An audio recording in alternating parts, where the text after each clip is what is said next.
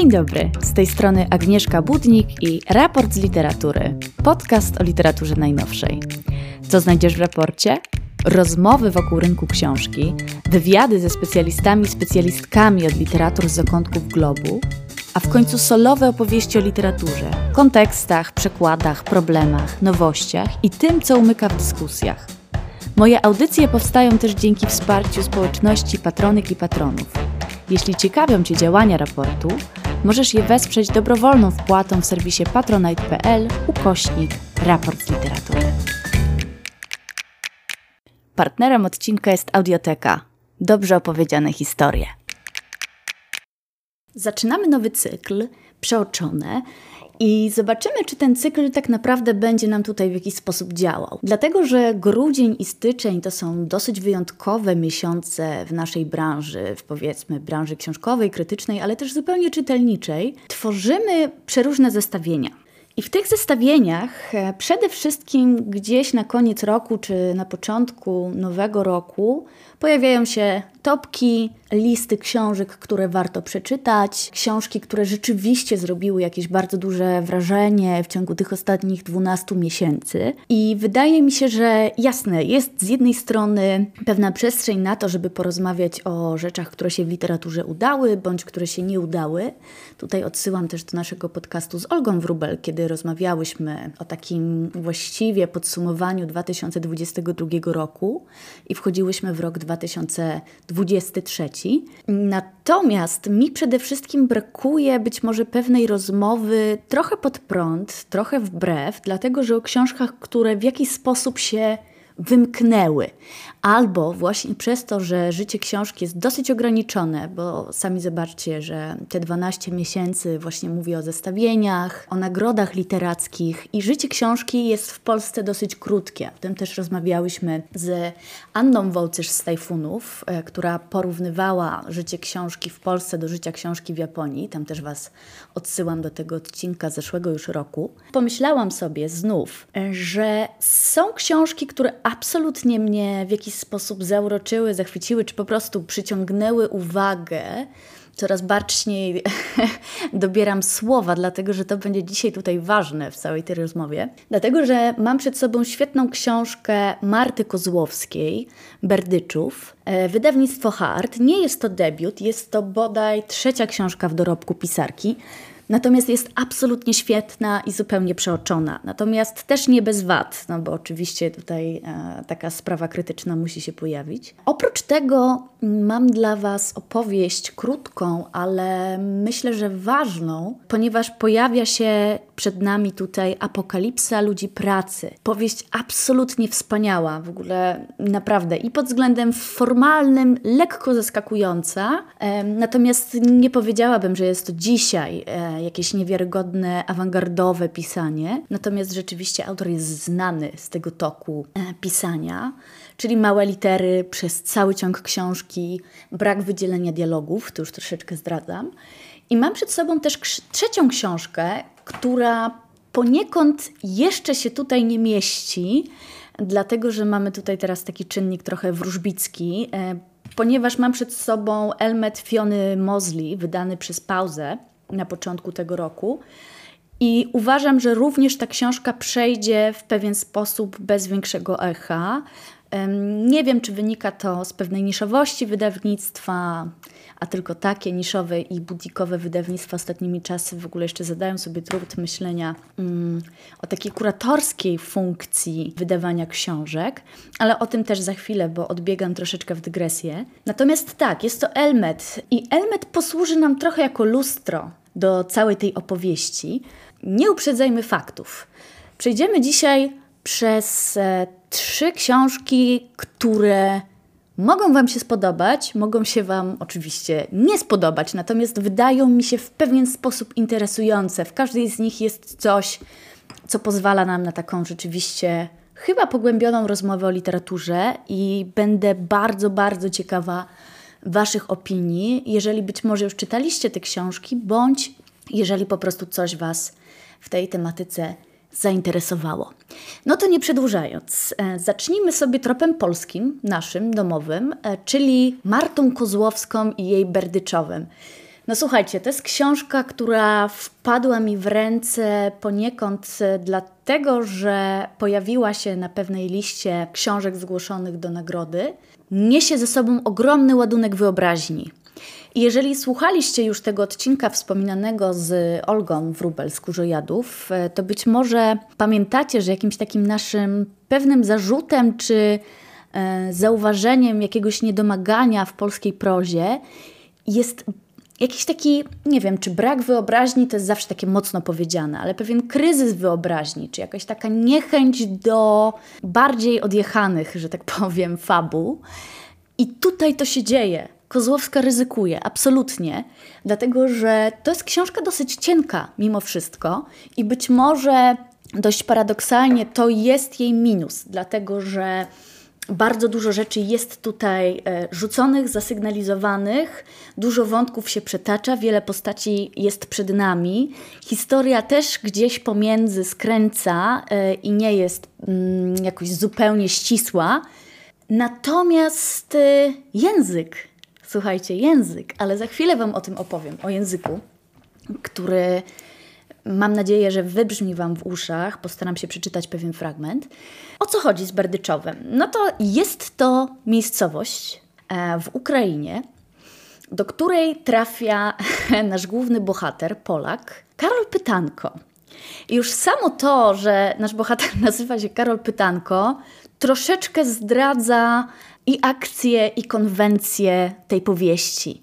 Dlatego, że Karol Pytanko jest specjalistą sprowadzonym E, do Ukrainy, ponieważ nagle pojawia się bardzo duży i e, straszny pomór świń, pomór bydła w Ukrainie. Nikt tak naprawdę nie wie o co tutaj chodzi, więc ściąga się specjalistę. No i co robi Karol?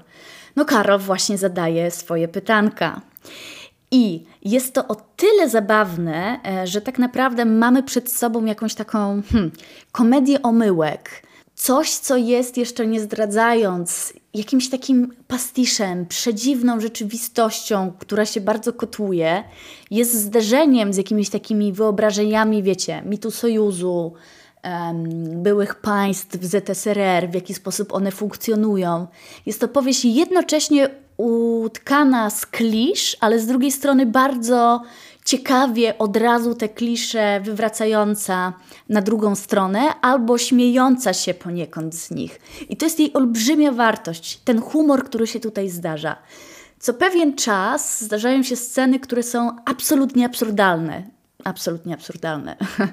tak, natomiast jeszcze język, e, żeby podbić tę absurdalność, w niektórych miejscach po prostu się rymuje. Więc kończymy na takiej dosyć e, specyficznej, ale dosyć zabawnej formie, w której Karol Pytanko cały czas próbuje dojść e, do źródła problemu, cały czas napotyka na przeróżne teorie spiskowe, jest zaciągany przez towarzyszy w świat, wiecie, właśnie stereotypów, detali, mnóstwa drobiazgów, które doprowadzają Karola do dosyć specyficznego stanu, ale o tym za chwilę.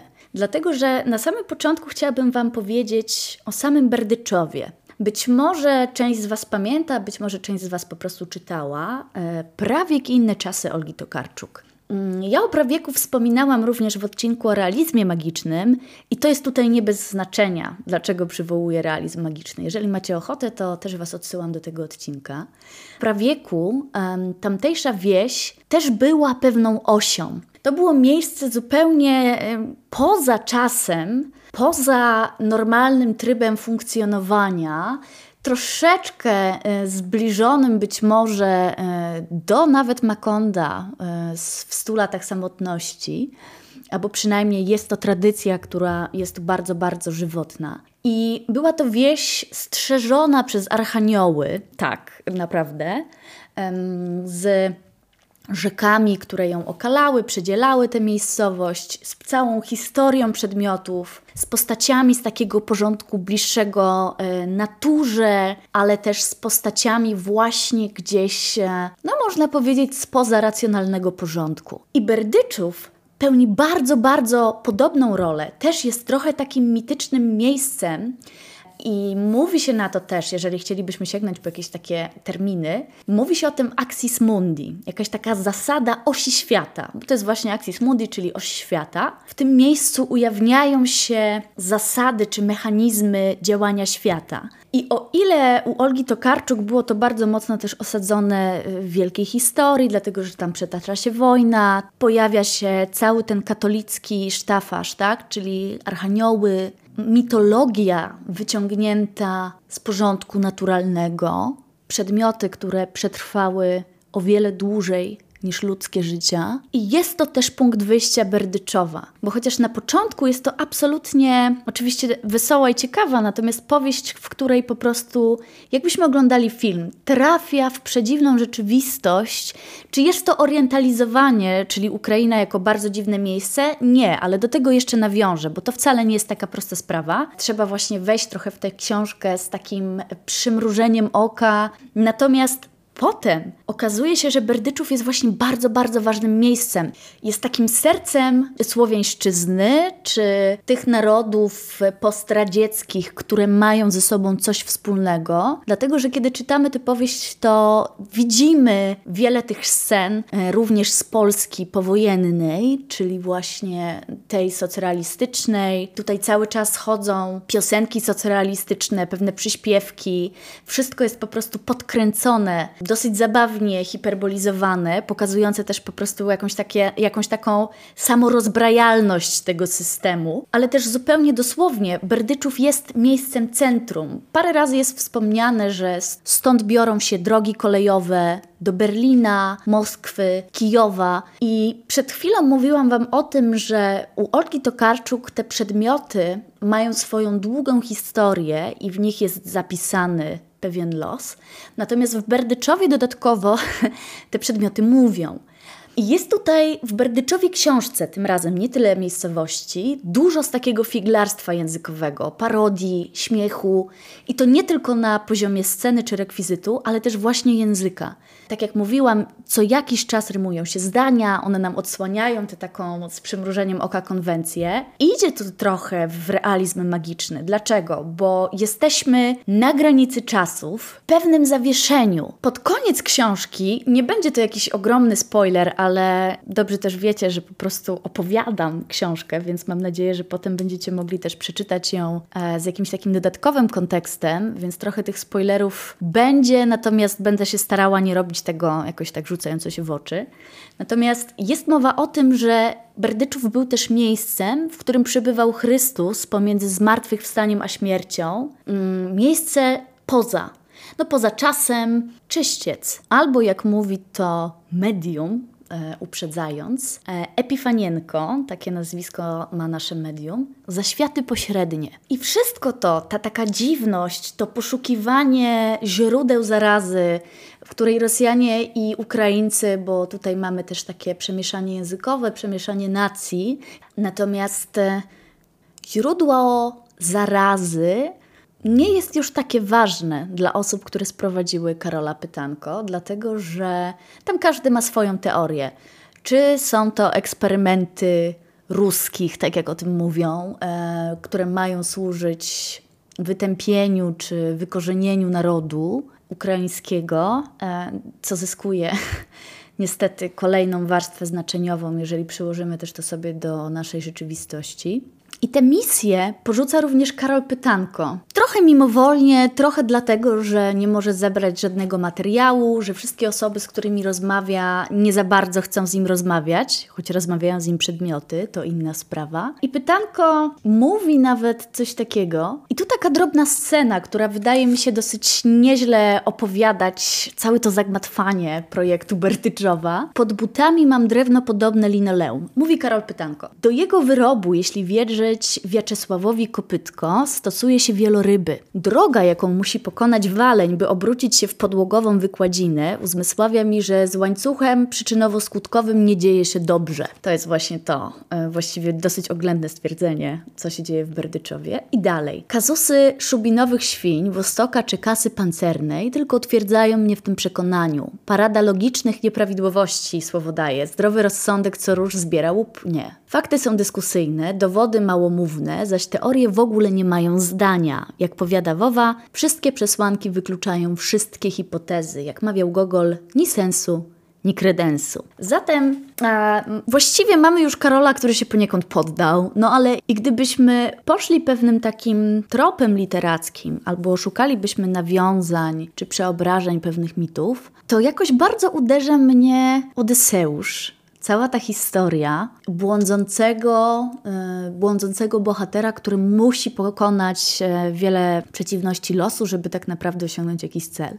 I tutaj to wszystko się dzieje, ale zupełnie arebur, dlatego że Karol trafia do Berdyczowa, co chwila coś idzie zupełnie nie po jego myśli. Jest to kradziony, e, zostaje poniekąd porwany, ale tak naprawdę to porwanie jest na niby. Mm, zamiast uzyskać odpowiedzi, to traci poniekąd świadomość. I po tym świecie oprowadza nasz właśnie bohater, który również błądzi. Ma to zadanie do wykonania, nie wykonuje go, ma przede wszystkim cały czas status obcego.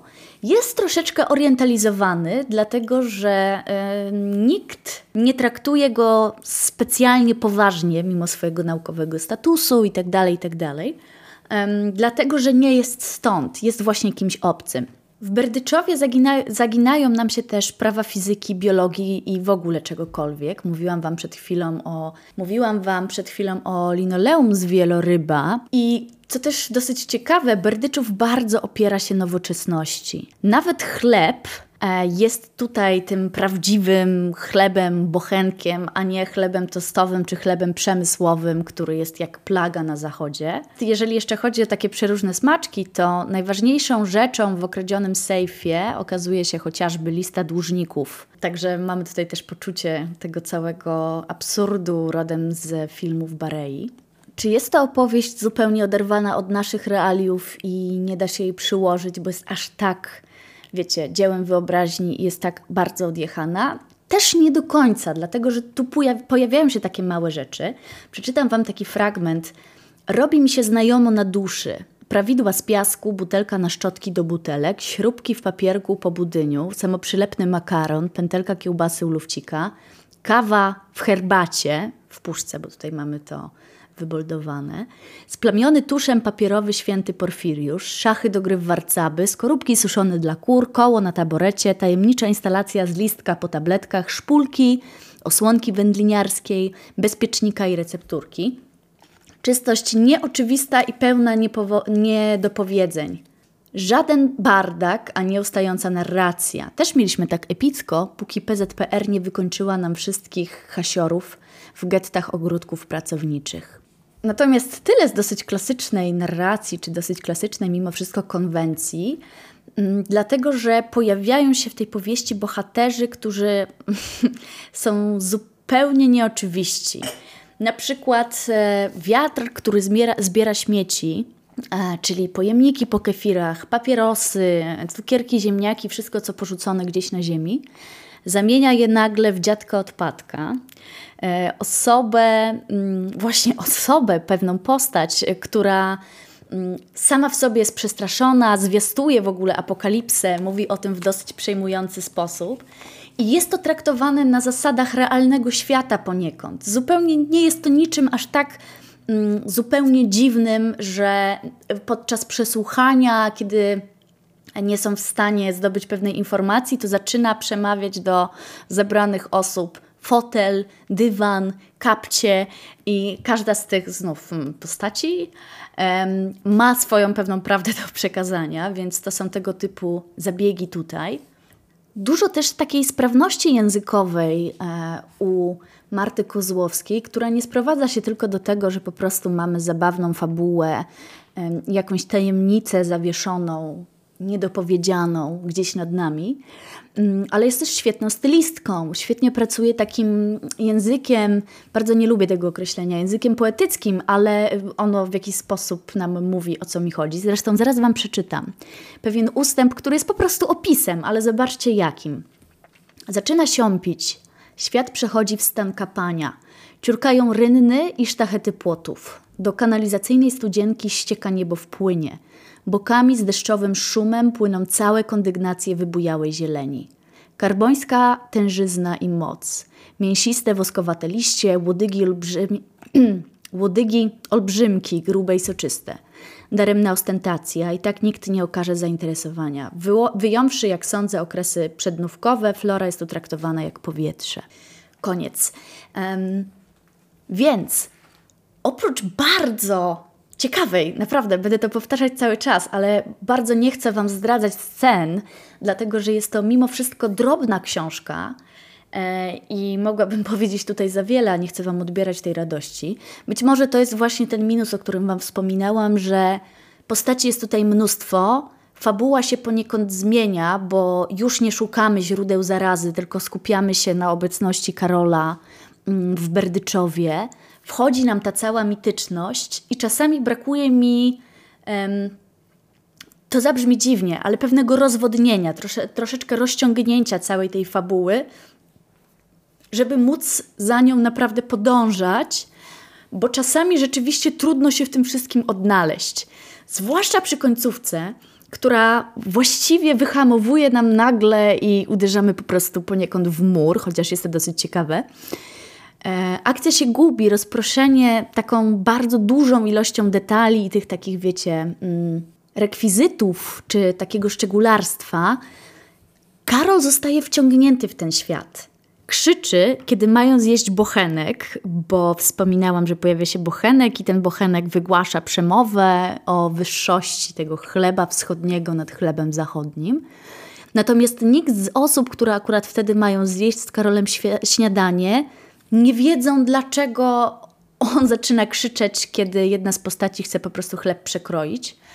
I zaczynamy się zastanawiać, czy to szaleństwo, czy ta dziwność, która się tutaj wydarza, nie jest tylko po stronie Karola, który być może w jakiś sposób stracił zmysły, e, albo po prostu funkcjonuje inaczej w tej przestrzeni na jakichś zasadach, bo końcówka to jest już w ogóle taką surrealistyczną jazdą. I chociażby dla tej końcówki warto to też przeczytać. Dlatego, że nagle zupełnie bez niczego zaczynają lewitować nam sztućce, rozdziela się twaróg, pojawia się później teoria duszy przedmiotów, um, która jest e, wygłuszona u szewca, dosyć ciekawa. Natomiast co się dzieje potem?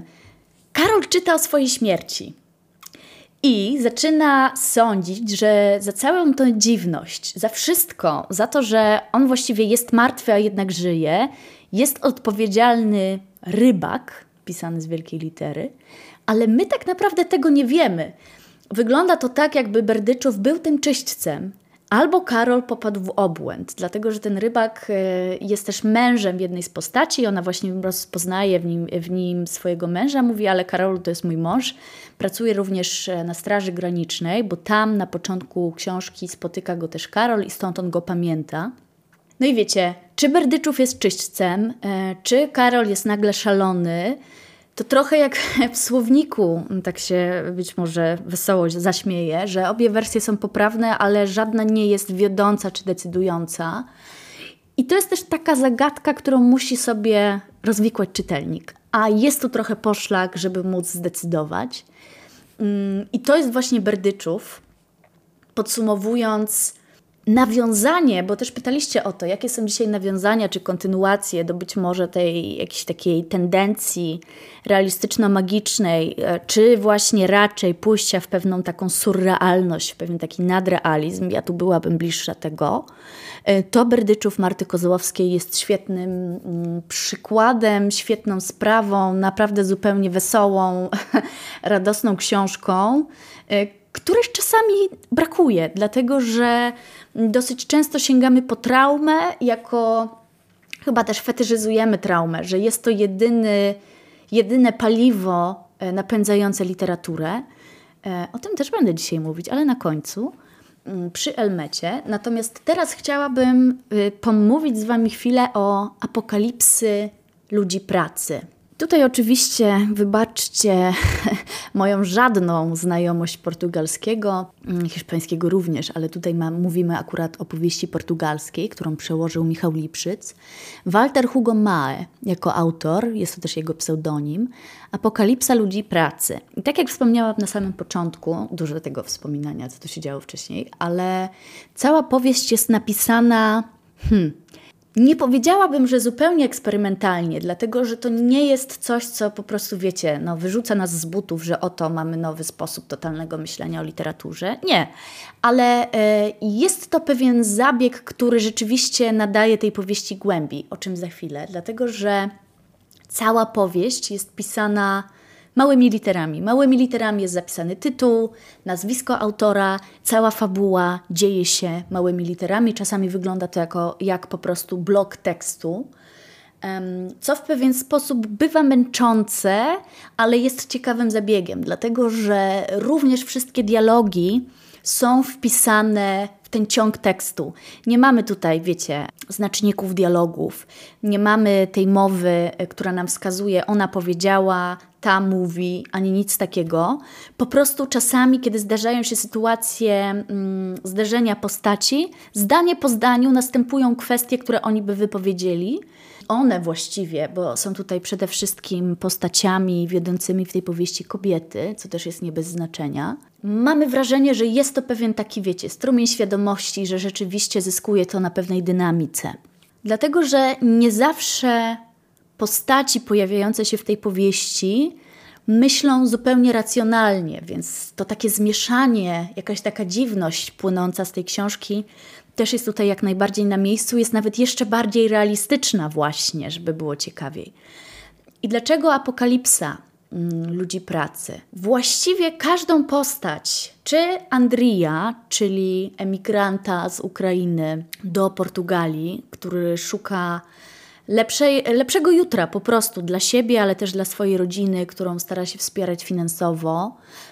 Rodziny, która zaznała wielkiego głodu, która jest po prostu też biedna. E, jego ojciec, Sasza, jest też postacią, to nie jest do końca określone, ale um, czy schizofreniczną, czy w demencji, staram się tak bardzo ostrożnie dobierać słowa, bo właściwie nie wiemy, co tam się dzieje. Natomiast y, no jest to pewien rozpad osobowości jego ojca e, i e, jego matki Ekateryny, która stara się opiekować coraz bardziej opętanego manią prześladowczą męża. To raz. Natomiast mamy tutaj też dwa losy kobiece bardzo ważne.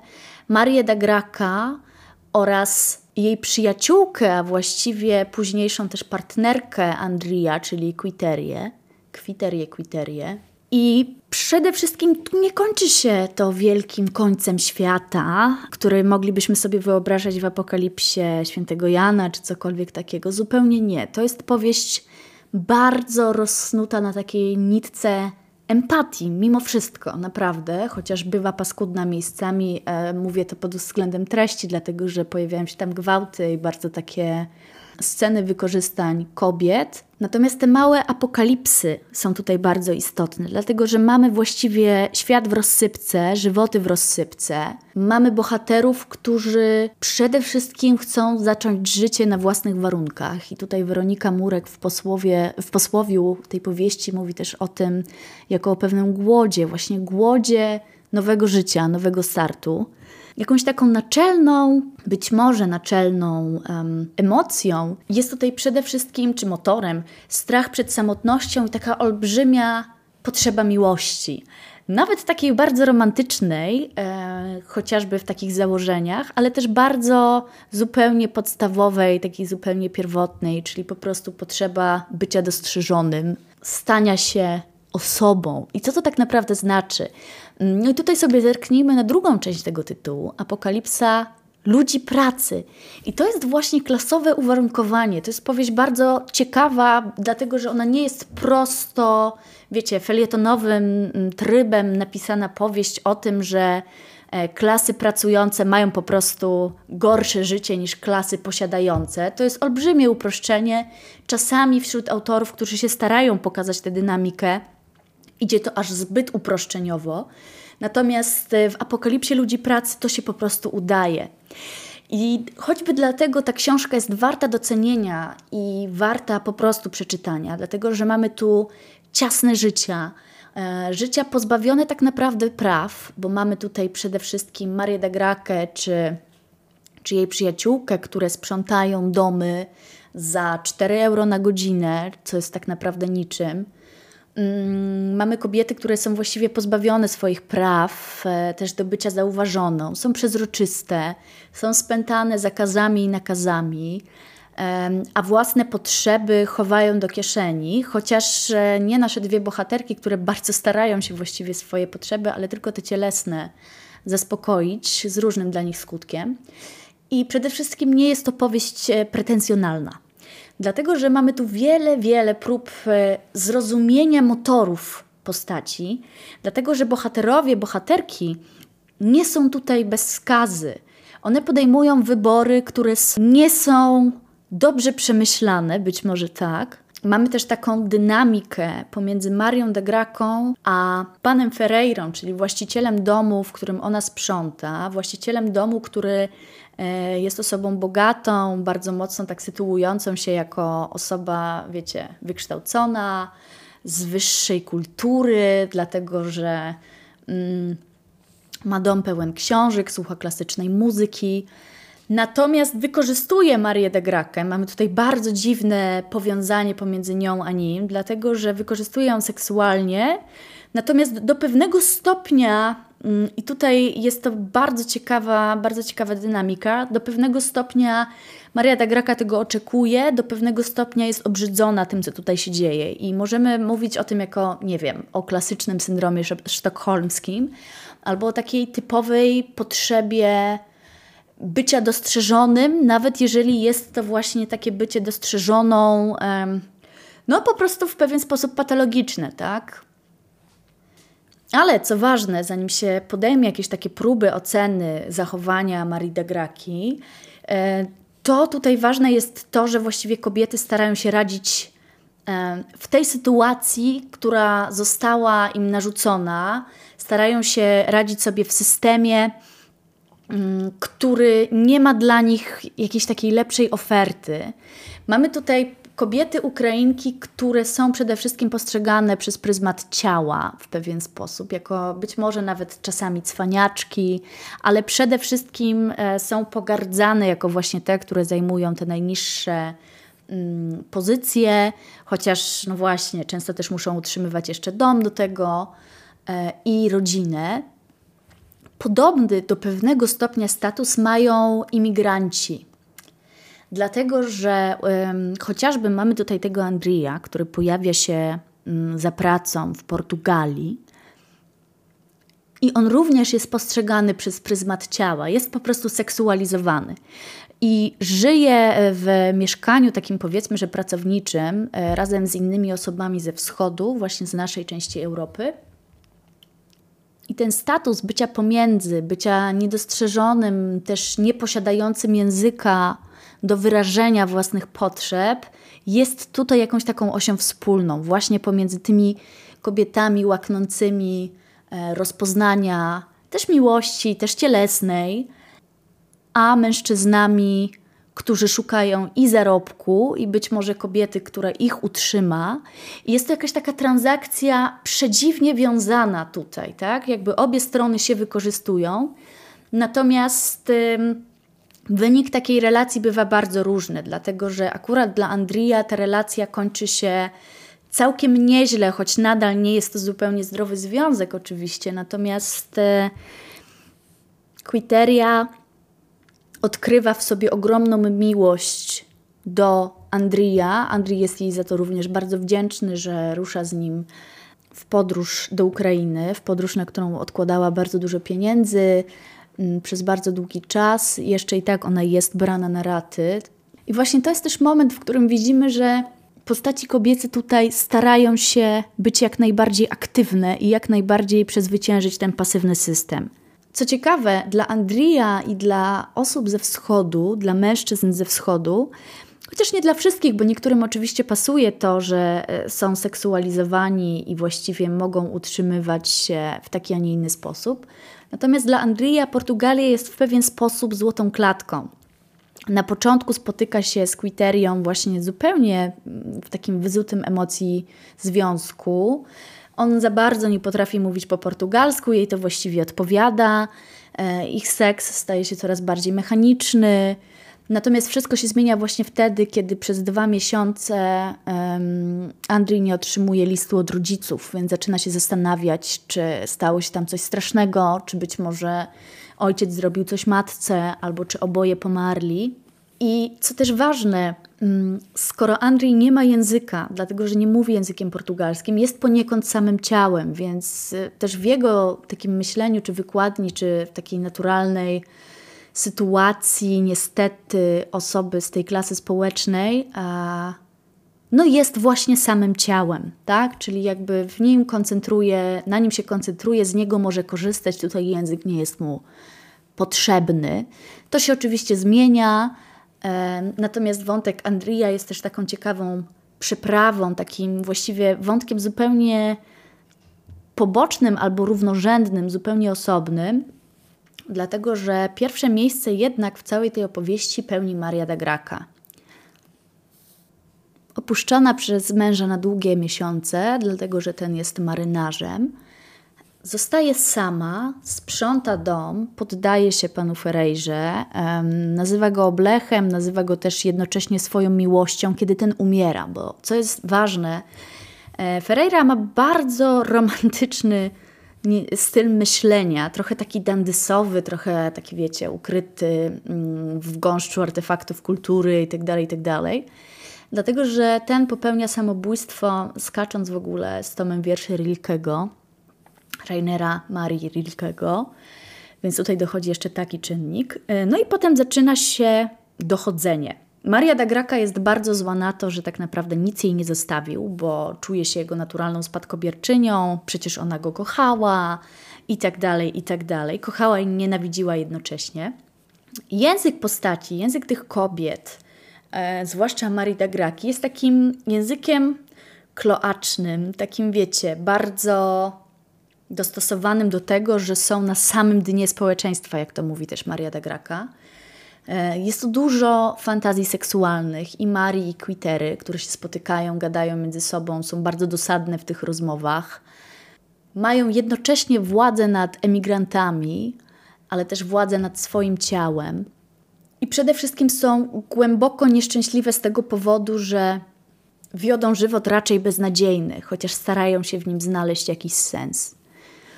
No i wiecie, musi to być dosyć trudne, kiedy. Mm, sprzątaczka pojawia się w domu takiego bogacza i właściwie wchodzi z nim w taką bardzo dziwną relację, jednak bliską, chociaż też opierającą się właściwie na przestępstwie. Mm, pan Ferreira wiódł, wiódł życie raczej takie romantyczne. Żył w złudzeniu, że po jego śmierci w ogóle wszystko na końcu otrzyma Maria. Naprawdę, tak się okazuje w toku śledztwa. Utykał więc pieniądze pod wykładziny, między wazony i w przeróżne miejsca, w których sprzątała Maria, żeby mogła wciąż odkrywać e, nowe pokłady gotówki rozmieszczone gdzieś w domu. Myślał, że jest to też świetna zabawa i w ogóle robi wielką przysługę Marii. I kiedy pomyślimy trochę o tej dynamice znowu, to ten układ, chociaż moglibyśmy bardzo prosto potępić Marię, że właściwie sama na siebie sprowadziła nieszczęście, że e, akceptowała seks w miejscu pracy, taki niekonsensualny. Natomiast e, w toku powieści pokazuje się przede wszystkim to, że jest to osoba zupełnie samotna i ta samotność jest też tutaj bardzo istotna. A wszystkie jej czynności, czy wszystkie jej um, decyzje biorą się z, takiego, z takiej potrzeby bycia ważną, zauważoną, docenioną, a nawet jeszcze mniej, żeby było ciekawie, po prostu bycia respektowaną. Ona wspomina, kiedy na końcu wraca jej mąż do domu, którego chce właściwie zamordować przez to, że on wraca i e, zupełnie jej nie szanuje i traktuje ją jak kamień, jak powietrze. To jest dla niej taka najważniejsza rzecz, mm, że nie jest zauważona. No stąd też poniekąd zgoda, niestety, na ten gwałt, więc tutaj pojawiają się takie pytania, czy jest to seks konsensualny, czy nie, na jakiej podstawie to się toczy, dlatego że kiedy pan Ferreira umiera, ona cały czas mówi o tym, że właściwie tego kocha. E, I tylko on spojrzał na nią jak na kobietę, plus e, chciał z nią właśnie rozmawiać, powiedzmy, że zniżyć się do jej poziomu. Tutaj oczywiście to w wielkim cudzysłowie, natomiast tak postrzega to też Maria. I zdarzają się takie momenty, w których Maria się łamie, w których te kobiety się łamią, dlatego że są już przytłoczone pewną taką beznadzieją swojego życia. Mm, I pojawia się też taka scena właśnie na jednym z pogrzebie, dlatego że obie mm, przyjaciółki często starają się trudnić jako płaczki na pogrzebach. Każdy pogrzeb to 50 euro, więc im więcej takich pogrzebów w ciągu roku można, że tak powiem, obstawić, tym większy zarobek. No i Maria e, wpada w pewien taki szał, że właściwie z tej swojej takiej mm, niemożności, z tej takiego z poczucia bezsilności, e, jak to mówi Maria, chciałaby wymierzyć kopniaki w Boże Dubsko. Za to, że Bóg wymierza takie kary, tym, którzy wykonują najbardziej podstawowe czynności i nie są niczemu winni i nie prosili się na ten świat, jak mówi Maria. Pojawiają się też bardziej dosadne wyzwiska, czyli debil święty Piotr i tak dalej, dlatego że cały czas mamy taki mm, motyw przewodni, który wraca co pewien czas, że Maria wyobraża sobie spotkanie ze świętym Piotrem, który mają wpuścić do nieba. Czasami jest to sen, czasami jest to wizja. Natomiast wszystko to, cały ten taki urok tej powieści, która jest y, z jednej strony bardzo bolesna i trudna, ale jest też niej trochę trochę uśmiechu, takiej ironii, tej zabawnej wymiany zdań między przyjaciółkami, mm, tęsknoty za zbliżeniem, tęsknoty za miłością. Wszystko tutaj się rozgrywa w takich małych gestach, w narracji, która wsysa właśnie te dialogi. One nie są wyodrębnione, głosy następują po sobie, szereg zdań bez wielkich liter, o tym wszystkim mówiliśmy. I to też jest pewna apokalipsa, to też jest pewien rozpad, rozpad języka, bo tutaj ta apokalipsa możemy ją sobie tak naprawdę wymieniać cały czas z rozpadem. Pojawia się też kolejny los kobiecy, Etelwina, czyli osoba e, wyżej postawiona, kobieta dosyć bogata, którą e, Maria da Graca z przyjaciółką poznają właśnie na pogrzebie, bo e, one obie wpadają w taki szał. Tutaj też pojawia się taka tajemnica, kolejny pęknięty los kobiecy, dlatego że miasteczkiem do pewnego stopnia wstrząsa pewna śmierć, śmiercią tego chłopaka. Y, I Etelwina właśnie temu młodemu chłopakowi zleciła robotę na wysokościach, chciała być dla niego miła, chciała rzucić mu jabłko, żeby mógł je zjeść. Natomiast za chwilę obserwowała jego śmierć u swoich stóp, dlatego że on po prostu spadł z tego dachu. I żeby uniknąć nieporozumień, że jednak to nie ona jest morderczynią, chociaż wszystko na to wskazuje y, przez okoliczności, wywozi chłopca z posiadłości i wrzuca jego ciało w rozpadlinę chociażby. Więc tutaj mamy tę taką spiralę przedziwnych wyborów, które prowadzą do zagłady kolejnego świata, tym razem świata Etelwiny. Natomiast Marią de Graką y, wstrząsa coraz bardziej taka chęć śmierci. I mówi też o tym otwarcie, że chce umrzeć, że świat też bez pana Ferreiry, który nadawał jej znaczenie, no nie ma większego sensu, dlatego że właśnie ona straciła tę instancję, tę postać, która ten sens jej nadawała w jakikolwiek sposób. Jest tu też dużo, bo apokalipsa oczywiście jest to trop biblijny mimo wszystko. I tutaj jest kilka też takich, myślę, że mrugnięć okiem. No, raz, że y, rzucenie jabłkiem i to jabłko jest przyczyną pewnej tragedii. Tego chłopca, mm, Miguela, znajduje nomen omen pan Abel, pasterz, więc tutaj mamy kolejny taki trop, który pozwala to czytać w jakimś takim, wiecie, w, w renarracji opowieści biblijnej. Więc kolejne te losy kobiet nam się w jakiś sposób tutaj rozdzielają, jest ich coraz więcej, aż powieść zaczyna wracać do, powiedzmy, że punktu wyjścia. Powraca mąż Marii, czyli ten marynarz, który ją zostawia na długie miesiące, i nadal nie zwraca na kobietę uwagi. Traktuje ją zupełnie przedmiotowo, jako tak naprawdę osobę, która ma mu dogadzać seksualnie, ma być na każde jego kiwnięcie. Chociaż mimo wszystko trzeba też oddać temu, że ta historia jest o tyle ciekawa, że nie brnie w prostość, w prostotę, jakieś takie, wiecie, klisze, dlatego że Augusto, mąż Marii, jest też osobą, która bardzo sobie ceni wierność. I chociaż nie ma o niej zbyt dobrego zdania, o Marii, właściwie jej nie zna e, i sądzi, że jest kobietą zupełnie bez ambicji i marzeń, jest jednak jej wierny, ponieważ uważa, że przede wszystkim liczy się ta przysięga, to zobowiązanie. Dlatego sama Maria, już poniekąd nasycona czy nauczona tym związkiem, znowu w cudzysłowie bądź nie, z panem Ferreirą, myśli coraz częściej o zabiciu swojego męża, właśnie za to, że traktuje ją jak kamień, czy jakbyśmy sobie dzisiaj tutaj powiedzieli, jak powietrze. Mm, pyta w śnie świętego Piotra, czy ten najdroższy wybielacz, który chce kupić, się sprawdzi do zabicia tego męża. I co się okazuje, święty Piotr ją obnaża w tym śnie, dlatego że mówi um, coś, co będzie właściwie takim głównym motorem Marii de Graki w całej tej powieści. Zabójstwo nie jest sposobem na to, aby umrzeć z miłości. Bo co chce zrobić Maria? Mamy przede wszystkim, pamiętacie, wspominałam Wam, że mamy pana Ferreira, który żyje jakimś takim romantycznym wyobrażeniem, trochę dandysowym i tak dalej. I tutaj to wszystko się spina, dlatego że Maria też pożąda trochę takiego życia, a przede wszystkim trochę takiej romantycznej śmierci. Właśnie śmierci z miłości. Natomiast e, sama Maria w końcu nie posuwa się do tego, żeby zabić swojego męża, tutaj następuje takie rozwiązanie dosyć ciekawe, natomiast nie jest zupełnie od czapy, takie wiecie, deus ex machina, że się pojawia i nie wiadomo co. Mm, dlatego, że odnaleziono wolę czy testament, czy wskazanie pana Ferreiry i Maria da Graca otrzymuje cały jego majątek. I nie bez triumfu e, śledcza oznajmia to mężowi Marii, ten wpada we wściekłość i oskarża swoją żonę o zdradę, dzieje się kolejna taka mała apokalipsa, tym razem tej wierności naczelnej, której y, Augusto był tak wierny, bardzo istotny, istotnej dla męża Marii.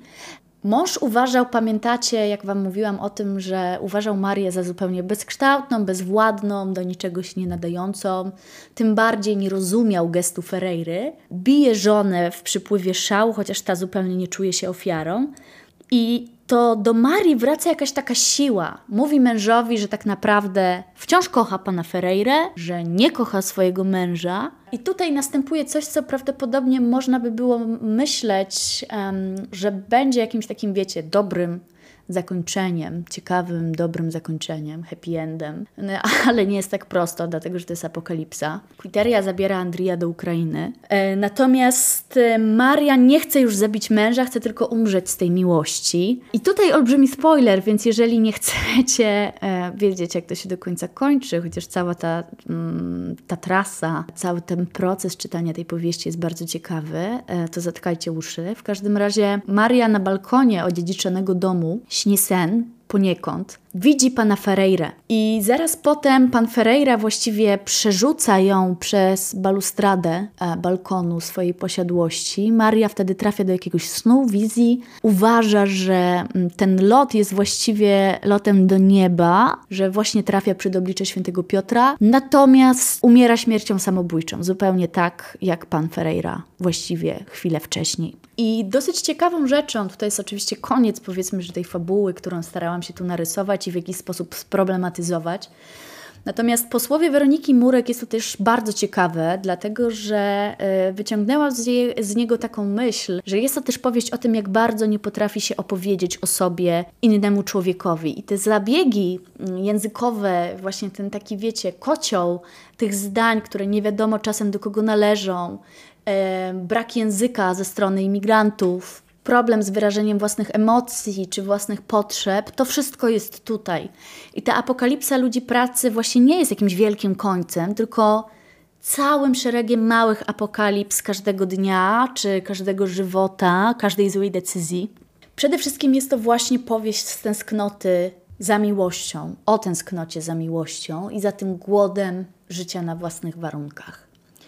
I to jest klasowe uwarunkowanie. Ta powieść jest właśnie o klasowym uwarunkowaniu, dlatego że mamy ciasne życia, pozbawione prac, y, praw i, i bycia zauważonym, czy bycia w ogóle traktowanym jako człowiek, bo, bo tak to się tutaj też zdarza. I właśnie dlatego też uważam, że ta książka jest po prostu bardzo dobra, bo ona nie jest prostą wykładnią polityczną, nie chce nią być, natomiast rozgrywa to bardzo dobrze tym elementem empatii i to w ogóle jest też taka siła, która jest w stanie, jeżeli już szukać jakiegoś takiego, wiecie, politycznego, działającego czynnika, czy próbować właśnie wyciągnąć z tej powieści coś aktywistycznego, to właśnie ta empatia nas zbawi czy uratuje. Trochę się śmieję, dlatego że no właśnie ten koncept zbawienia, czy dostania się do nieba jest tutaj bardzo w tej powieści ważny. I na koniec, bo powoli właśnie idziemy w stronę końca, bo przeszliśmy przez Berdyczów, ciekawy, wyobraźniowy, wiecie, pamiętacie. Przeszliśmy przez apokalipsę ludzi pracy, powiedzmy, że trochę mniej wyobraźniową, natomiast świetną pod względem fabuły i trochę takiego grania postaciami. A teraz mamy przed sobą Elmet i to, i to jest powieść, przed którą... Miałam lekki zgryz, e, właściwie po lekturze tej powieści, dlatego że ona, sama się zastanawiam, z jednej strony jest świetna, z drugiej strony jest po prostu dobra. I co to znaczy? Myślę, że dobrze mm, opowiedzieć sobie o Elmecie na samym końcu, właśnie po apokalipsie ludzi pracy, dlatego że ona jest nieco w kontrze e, do apokalipsy ludzi pracy. Tutaj również mamy robotników. Tutaj nawet pojawiają się strajki robotnicze. Natomiast e, wszystko to jest nieco w kontrze do apokalipsy, jest, e, no powiedzmy, że też literacko po prostu um, stawiające na ha, wyobraźnię, rozwój psychologiczny postaci itd., tak itd. Tak Tutaj wszystko dzieje się w fabule. I Elmet jest fabularnie przejrzysty, językowo dość nieskomplikowany, z bardzo wyraźną, taką wręcz filmową fabułą, serio. Okładka może trochę zwodzić i to jest też dodatkowy plus tej opowieści, bo ona jest taka bardzo pastelowa, natomiast e, no, opowieść sama w Elmecie jest bardzo ciemna. Mamy tutaj ojca, postać ojca, bardzo silnego, bardzo mocnego, e, bardzo maskulinistycznego. Ojca, e, który niegdyś ściągał haracze dla miejscowego bogacza, bo tutaj znowu jawi nam się taki podział, ale właśnie o wiele mocniej zarysowany pomiędzy bogatymi a nieposiadającymi dóbr. Mm, I ten ojciec postanawia razem z dziećmi zamieszkać z dala od miasta ze swoim synem i córką, dlatego że chce ich nauczyć samodzielności, żeby wszystko działo się ze sprawą ich własnych rąk. Sam za to, żeby było jeszcze bardziej przewrotnie, również pracuje e, własnymi rękoma, dlatego że bierze udział w nielegalnych walkach za pieniądze. Po prostu się bije, jest jednym z najsilniejszych osób w tym regionie i to jest ta jego, jakaś jego taka mocna sława w tym wszystkim. I wykładnia w tej powieści jest być może aż za prosta, dlatego że o co tutaj chodzi? Tutaj bardzo łatwo stracić tę fabułę. Mamy brak praw do ziemi, e, na której stoi dom ojca i jego rodziny. Całą rodzinę zostawia również poniekąd matka. My nie wiemy, czy ona uciekła, czy co się z nią stało. Mamy tylko rzucone, że e, po prostu nie żyje. No była to też po prostu kobieta z nałogami, tak to też jest to przedstawione. Natomiast to ona miała prawo do ziemi, na której znajduje się do, ten dom, do którego wszyscy się sprowadzili na końcu. E, I choć teraz tych praw już nie ma, ponieważ ona też je przekazała właśnie temu powiedzmy, że lokalnemu magnatowi, mniejsza, to, był, to, było to była pewnego rodzaju dzierżawa. W każdym razie mamy tutaj taki porządek zarysowany między brakiem praw do ziemi, chociaż e, tę ziemię się szanuje, dba się o nią, e, o pewien zagajnik, o roślinność, o zwierzęta. E, tutaj mamy też tę wiarę, że właściwie myśliwstwo jest też pewnym sposobem regulowania i życia razem z naturą. Zostawmy tutaj ocenę moralną tego. Natomiast tak to jest przedstawione tutaj. Kontra dążący do, wiecie, optymalizacji zysków kapitalista, czyli mamy pana E, który podnosi czynsze lokatorom nieprzestrzegającym. Mamy tutaj pana Pierce'a, czyli kapitaliście właśnie, który podnosi czynsze lokatorom e, i nie przestrzega praw pracowniczych, a tak naprawdę jest jednym z większych e, zatrudniających i w ogóle osób możnych w tym regionie, w Elmecie. Elmet to jest też miejscowość. Mamy tutaj cały czas tę nieobecną matkę i takie bardzo Hmm, być może aż zbyt proste zachwianie stereotypów płciowych, dlatego że mamy tutaj Daniela, czyli syna, mm, przedstawionego jako osoba bardzo wrażliwa, skora do nauki, ukazywana specjalnie w powieści jako postać bardziej z tej kobiecej strony. I mówię to właśnie bardzo w cudzysłowie, dlatego że tak też upraszczająco właściwie mówi się o tym w tej, w tej powieści w pewien sposób. Kocha rękodzieło, kocha przebywać w domu, jakby jest tą postacią skorelowaną z ogniskiem domowym. I ma on również siostrę, Kati, e, która jest e, silna, niepokorna, nosi się w, tak w cudzysłowie, wiecie, po chłopacku, cokolwiek miałoby to znaczyć, ale tak to tutaj wygląda, czyli za duże ubrania, niedostosowane trochę do jej sylwetki. To się też łączy z wcześniejszym um, molestowaniem seksualnym przez kolegów w szkole, do której chodziła Później e, dzieci uczyły się w domu, ponieważ tak ustalił też tata.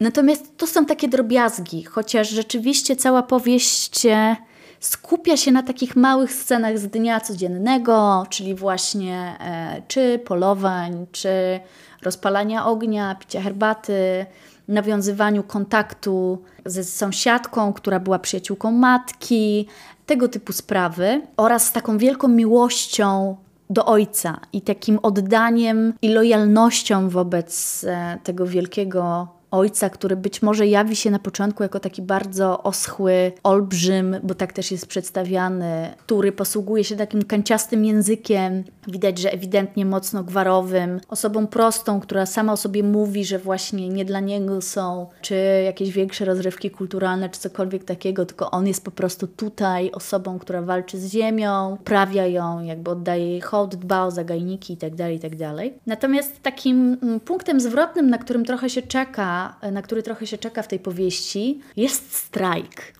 Dlatego, że e, pan Pierce pojawia się coraz częściej. Na początku pojawia się jako taka osoba, o której nie za bardzo wiadomo, czym się zajmuje, co robi, właściwie dlaczego się pojawia, dlaczego zadaje pytania dzieciom itd. Tak itd. Tak Natomiast okazuje się, że tutaj jest cała taka mini intryga, ponieważ ojciec pomagał panu Pierce'owi wcześniej w ściąganiu długów, w ściąganiu haraczy po prostu również. Tu dzieje się cały przekręt, dlatego że dzieci, czyli Danny i Kathy, zostają wysłani poniekąd na taki próbny dzień pracy w jednym z interesów Pierce'a. I dzieci, no właśnie, mają przede wszystkim znaleźć sygnalistów, osób, które się nie zgadzają e, z polityką farmera, który jest bezpośrednio, który bezpośrednio podlega Pierce'owi. Chociaż cała ta hierarchia nie jest tak istotna, dlatego że mimo wszystko to wszystko ma uderzać właśnie w Pierce'a. Dlatego to on jest tą naczelną tutaj taką złą postacią. No i rzeczywiście pewien taki spisek, e, który miał być po prostu zawiązaniem związków zawodowych się do pewnego stopnia wypełnia, natomiast coraz więcej osób, które nie są w stanie znaleźć innego zatrudnienia, ponieważ to jest też trochę praca taka, wiecie, na czarno, bo jest tutaj dużo osób z wyrokami albo z pewną trudnością w znalezieniu innej pracy, więc po prostu łapią się tej, która została im dana za bardzo niską stawkę. E, natomiast dochodzi do kolejnego przełomu, dlatego że w okolicach tego strajku zostaje znaleziony martwy syn pana Pierce'a. No i tutaj zaczyna się duży problem, dlatego że pan Pierce od razu uważa, że za te zbrodnie yy, i też kradzież, bo tam znika zegarek, yy, odpowiada ojciec naszych bohaterów głównych. Tutaj zaczyna się taki schemat troszeczkę takiego filmu akcji, dlatego że ojciec i dzieci zostają porwane, mm, są traktowani absolutnie brutalnie. Dzieci potem oglądają, jak ludzie Pierce'a chcą zabić ich ojca. Natomiast y, znowu, jeżeli nie chcecie słuchać, co się dzieje dalej e, i właściwie na czym to wszystko polega, to zatkajcie uszy, dlatego że główny spoiler jest taki, że za śmierć syna odpowiada Kathy, czyli córka, dlatego że broniła się przed napaścią seksualną ze strony syna pana Pierce'a, któremu wydawało się, że właśnie w cudzysłowie może mieć każdego, może mieć każdą, tak naprawdę zarządza żywotami ludzi do pewnego stopnia, tak jak swój ojciec. Te bohaterowie nie chcą jej wierzyć, wszyscy zgromadzeni w, te, w takiej bardzo brutalnej scenie, dlatego że e, właściwie ich ojciec jest torturowany i Katy decyduje się na bardzo radykalny krok i ojciec umiera na tym stole, na którym jest torturowany poniekąd. E, Katy zaś wychodzi. Pierce kazał zgwałcić Katy swoim gorylom, można by to tak powiedzieć. Ona natomiast ich zabija. Wraca e, do naszych zebranych, do, tej, do tego miejsca akcji. No i podpala wszystko. Wychodzi z kanistrem, wszystko polewa i podpala cały dom, jednak umożliwiając ucieczkę swojemu bratu. I rzecz wygląda tak, że właściwie brat nie wie do końca, czy Kati udało się przeżyć, czy nie. Stara się ją potem szukać. I tu są takie właśnie wstawki z przyszłości, powiedzmy, które się przetykają przez całą powieść. Prawdopodobnie siostra przeżyła, natomiast wcale nie jest to tak do końca powiedziane, więc tu jest tutaj taki powiedzmy, że cliffhanger jakiś, takie wiecie, trochę zawieszenie w próżni tego, co się tutaj wydarzyło, skomplikowanie tych relacji. Natomiast y, do czego piję i dlaczego właściwie tak mocno skupiłam się na pewnym streszczeniu całej akcji tej powieści? Dlatego, że w, mm, tak jak już wspominałam, dużo jest tutaj takich stereotypów zachowanych, nie? W sensie między bogatym a biednym, wyzyskiwanym a wyzyskiwaczem, krótka historia związków zawodowych. Niektóre rzeczy są ze sobą bardzo sygnalizowane i tutaj nie ma jakiegoś wielkiego pogłębienia. Akcja idzie na początku bardzo wolno rzeczywiście narasta jakaś taka atmosfera niepokoju i tak dalej, i tak dalej. No końcówka dzieje się taka, e, jakbyśmy oglądali film, co nie jest niczym złym. Natomiast, dlaczego tak używam tej fabuły? Dlatego, że uważam, że to jest dobry przykład, żeby zobaczyć apokalipsę mm, ludzi pracy w kontrze do Elmetu, ponieważ Elmet to przede wszystkim literatura środka, jak sądzę. Czym jest literatura środka? Bo tak naprawdę do tego tutaj się wszystko to sprowadza. Mianowicie jest to powieść, która cechuje się takim nieskomplikowanym, przejrzystym dosyć uniwersalnym właśnie, w cudzysłowie słowo klucz, język, e, która korzysta z pewnych schematów fabularnych, ale jednocześnie chce być w pewien sposób trochę bardziej ambitna, a nie takim produkcyjniakiem. E, nawiązuje do znanych klisz, fraz itd., tak itd. Tak Czyli jeżeli mamy tutaj jakieś zachwianie tożsamości płciowej, to jest też ono taką trochę grubą nicią poszyte.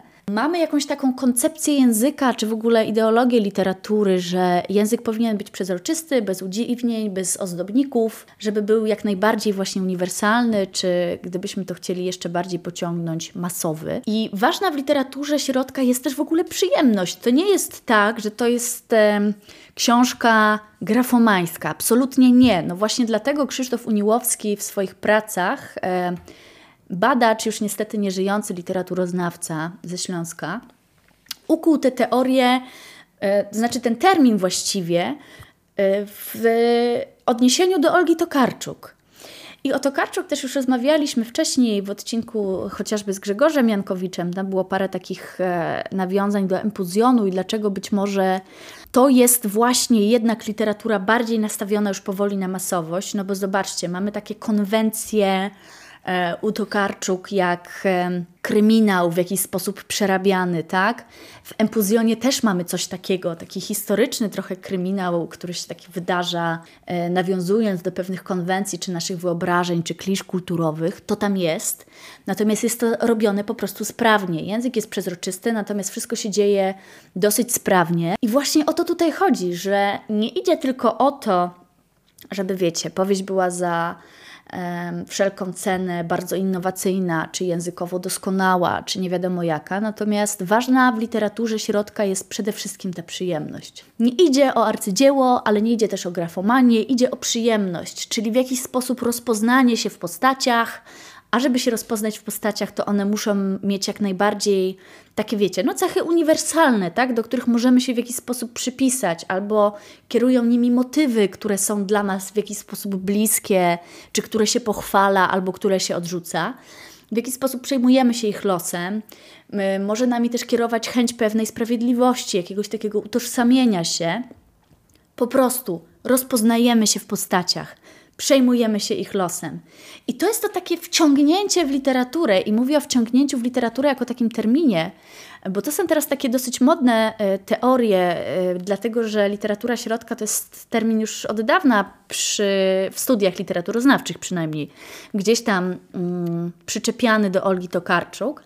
Natomiast e, według niektórych teorii, chociażby takiej badaczki amerykańskiej Rity Felski, dość poważanej, chociaż e, są to raczej eseje niż takie stricte prace naukowe, w takim naszym polskim rozumieniu, bo tak też trochę działa humanistyka w Ameryce.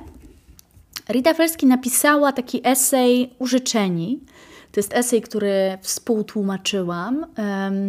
I on się tutaj też nawinął, dlatego że cały polega na tym, e, że w jakiś sposób w badaniach humanistycznych wyrugowaliśmy jakąś zwykłą ciekawość, e, wciągnięcie w literaturę, lubienie po prostu literatury, utożsamianie się z postaciami jako coś zupełnie, wiecie, działającego in minus, a nie in plus.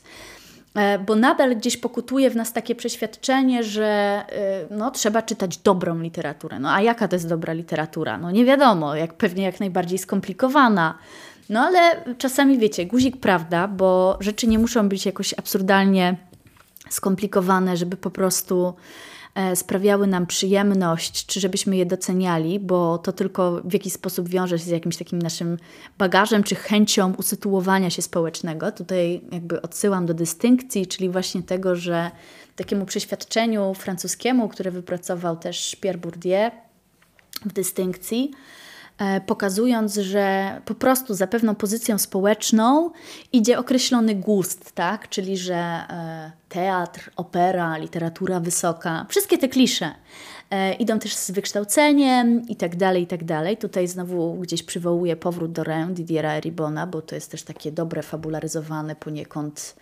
autofikcyjne, znowu dużo terminów, ale przełożenie teorii właśnie dystynkcji czy Pierre Bourdieu E, jak to mówiła moja polonistka, pani profesor, e, pozdrawiam, przełożenie z polskiego na nasze, mm, to to robi właśnie Didier Ribon w Powrocie do Rem, ale znowu troszeczkę odpłynęłam. Chodzi o to, że literatura środka jest właśnie nie taką zupełną masówą, którą trzeba potępić, ale jest po prostu źródłem przyjemności. Możemy sobie to też skorelować, e, o tym też mówiłam e, w pewnym z odcinków, czyli w tym o erotyce, mm, o literaturze popularnej, o kulturze popularnej. To jest jakiś wyznacznik, ta przyjemność. I to też bardzo dobrze się sprzedaje. I Krzysztof Uniłowski wyprowadził te, e, te teorie troszeczkę literatury środka też na tej bazie pokazując, co się stało z polską literaturą po 1989 roku, czyli to, że tak naprawdę runęły nam wyznaczniki, co jest dobre, a co nie, itd., tak itd. Tak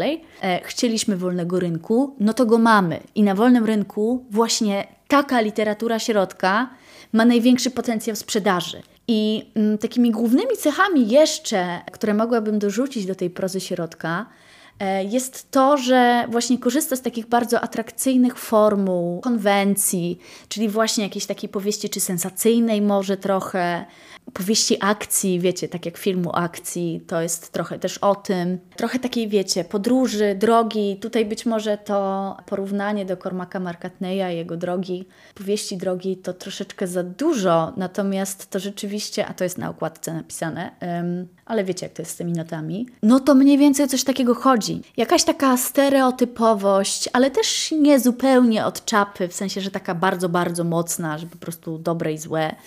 Jest tu troszeczkę zagmatwania, nie mogę powiedzieć, że nie. To jest naprawdę dobra powieść. E, mówię to z dużą odpowiedzialnością. To jest dobrze napisana powieść. Językowo do, jest językowo naprawdę wciągająca. Ma fabułę, co czasami staje się jakimś takim wyrzutem do prozy, że proza nie ma fabuły. Natomiast ma czyście, czystą fabułę, która jest no, trochę też przewidywalna, natomiast jest po prostu barwna. O, może to jest też taki opis. E, no i współczujemy, wczuwamy się gdzieś w te postaci. I tutaj jest ten element rozrywkowo-przyjemnościowy, nie? To jest taki wyznacznik. No raczej apokalipsy ludzi pracy e, w kontrze, no nie czytalibyśmy zupełnie rozrywkowo-przyjemnościowo, bo to nie jest powieść o tym. To jest jednak powieść bardzo subtelna politycznie. O, być może w ten sposób też, nie? W sensie mówi nam trochę o świecie, w którym żyjemy, wczuwając się poniekąd i współczując empatyzując właśnie z ludźmi pracy. I właściwie to jest wszystko, co przygotowałam dla Was e, na dzisiejszy taki dosyć luźny odcinek, bo wydaje mi się, że